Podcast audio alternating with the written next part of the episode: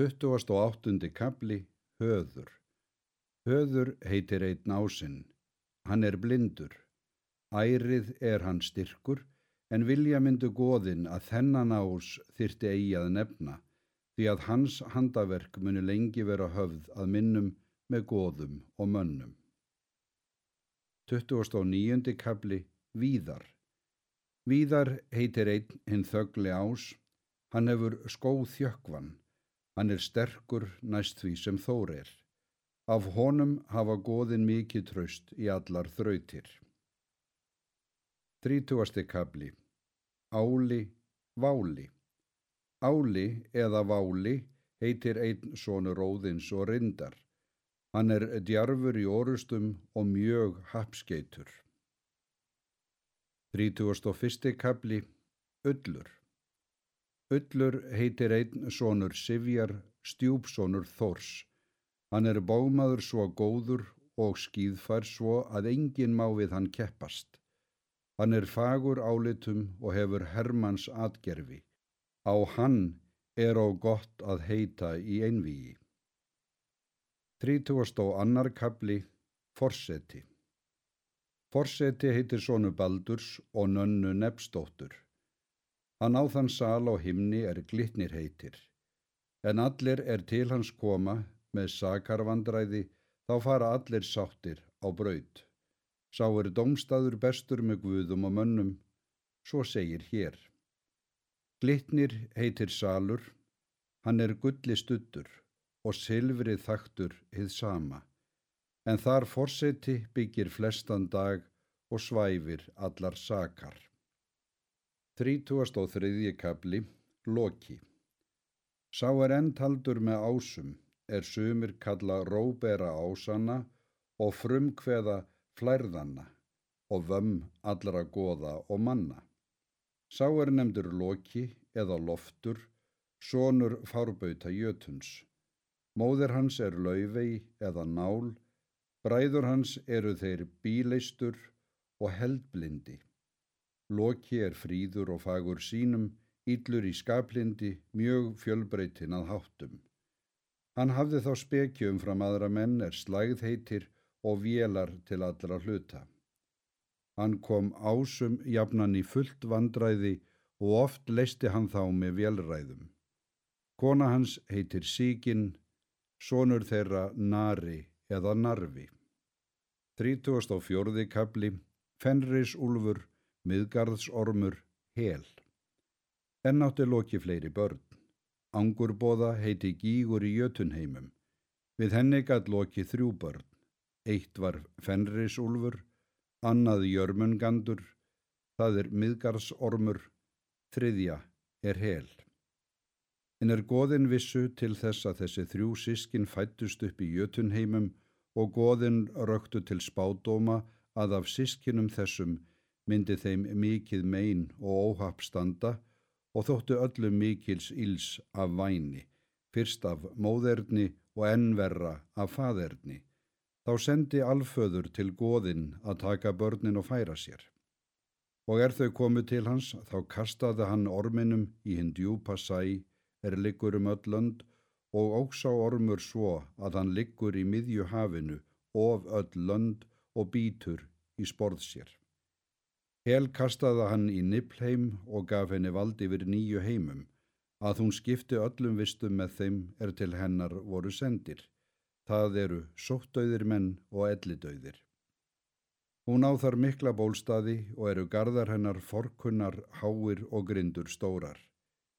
Jéljúðnir heitir salur hennar, hungur diskur hennar, sultur knífur hennar, ganglati þrællin, ganglöt ambátt. Fallandaforað þreskuldur hennar er ingengur, kör sæng, blíkjandaböl ársali hennar. Hún er blá hálf en hálf með hörundar lit. Því er hún auðkend og heldur gnúpleit og grimleg. Úlfinn fættu æsir heima og hafði týr einn en djarfleik til að gangað úlfinnum og gefa honum mat.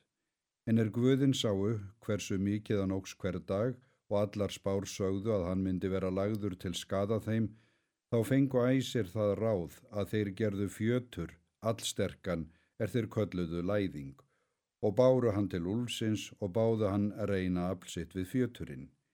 En úlfinum þótti sér það ekki ofurefli og let þá fara með sem þeir vildu.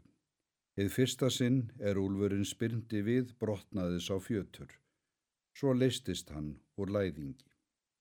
Þínast gerðu æsirnar annan fjötur, hálfu sterkari, er þeir kölluðu dróma og báðu enn úlfin að reyna þann fjötur og töldu hann verða myndu ágætan mjög að afli ef slík stórsmíð mætti eigi halda honum. En úlfurinn hugsaði að þessi fjötur var sterkur mjög og það með að honum hafði afl vaksið síðan er hann brauð læðing. Kom það í hug að hann myndi verða að leggja sig í hættu ef hann skildi frægur verða og let leggja á sig fjöturinn.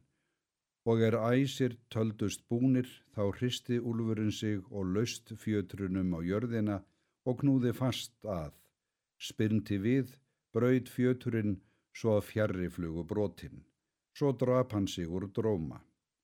Það er síðan haft fyrir orðtak að leysi úr læðingi eða drepi úr dróma, þá er einhver hlutur er ákaflega sóttur.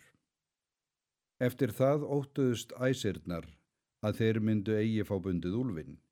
Þá sendi alföður þann er skýrnir er nefndur, sendi maður freys ofan í svartalva heim til dverga nokkura og let gera fjötur þann er gleipnir heitir.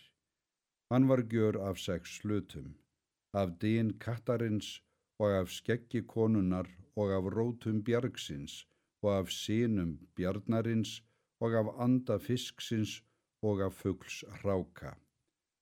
Og þóttu vitir eigi áður þessi tíðindi, þá máttu nú finna skjótt hér söndæmi að eigi er logið að þér. Séðmynd þú hafa að konan hefur ekki skegg og engin dýnur verður á hlaupi kattarins og eigi eru rætur undir bjarginu.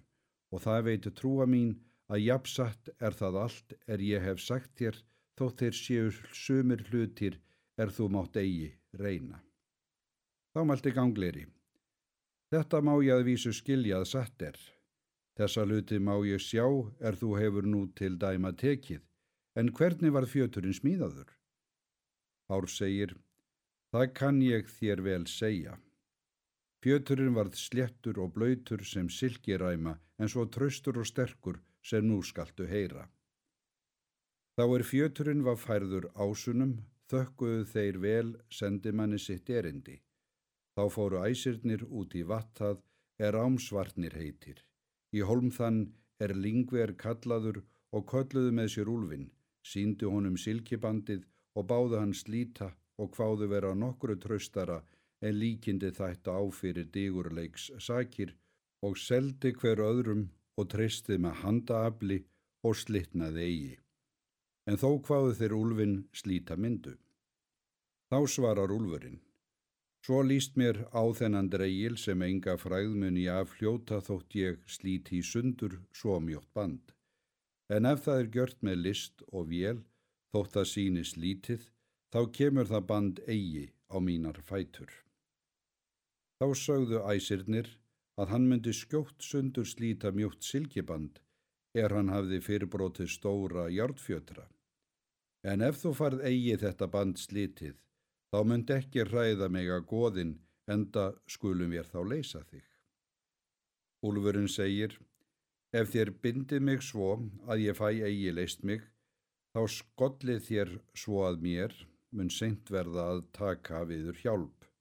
Ófús er ég að láta þetta band á mig leggja, en heldur en þér fríið mér hugar, þá leggja einhver yðar hand sína í munn mér að veði að þetta sé falslaust gert.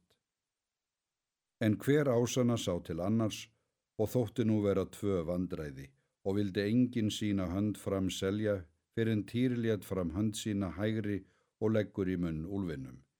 En er úlfurinn spyrnir þá harnaði bandið og því harðar er hann braust um því skarpara var bandið. Þá hlóa allir nema týr, hann létt hönd sína. Þá er æsirnir sáu að úlfurinn var bundin að fullu Þá tóku þeir festina en úr var fjötrunum er gelgja hétt og dróa hana gegnum hellumikla, svo heitir gjöll, og festu helluna langt í jörð nýður. Þá tóku þeir mikinn stein og skutu enn lengra í jörðina. Sá heitir þviti og höfðu þann stein fyrir festarhælin. Úlfurinn gafti ákaflega og fjegst um mjög og vildi býta þá. Þeir skuti í munn honum sverði nokkru, nema hjöltin við neðri gómi en efri gómi blóðreifill. Það er gómsparri hans. Hann grenjar íllilega og slefar ennur úr munni hans, það er svo á er vonheitir. Þar liggur hann til ragnarökkurs. Þá mælti gangleiri. Förðu illa barnegn gað loki, en öll þessi sískin eru mikil fyrir sér. En fyrir hví drápu æsir eigi úlfin er þeim er íls vonafónum. Hár svarar, svo mikils virtu goðin vjesín og greiðastaði að eigi vildu þau sörga þá með blóðu úlfsins, þótt svo segi spárnar að hann muni verða að bana óðni.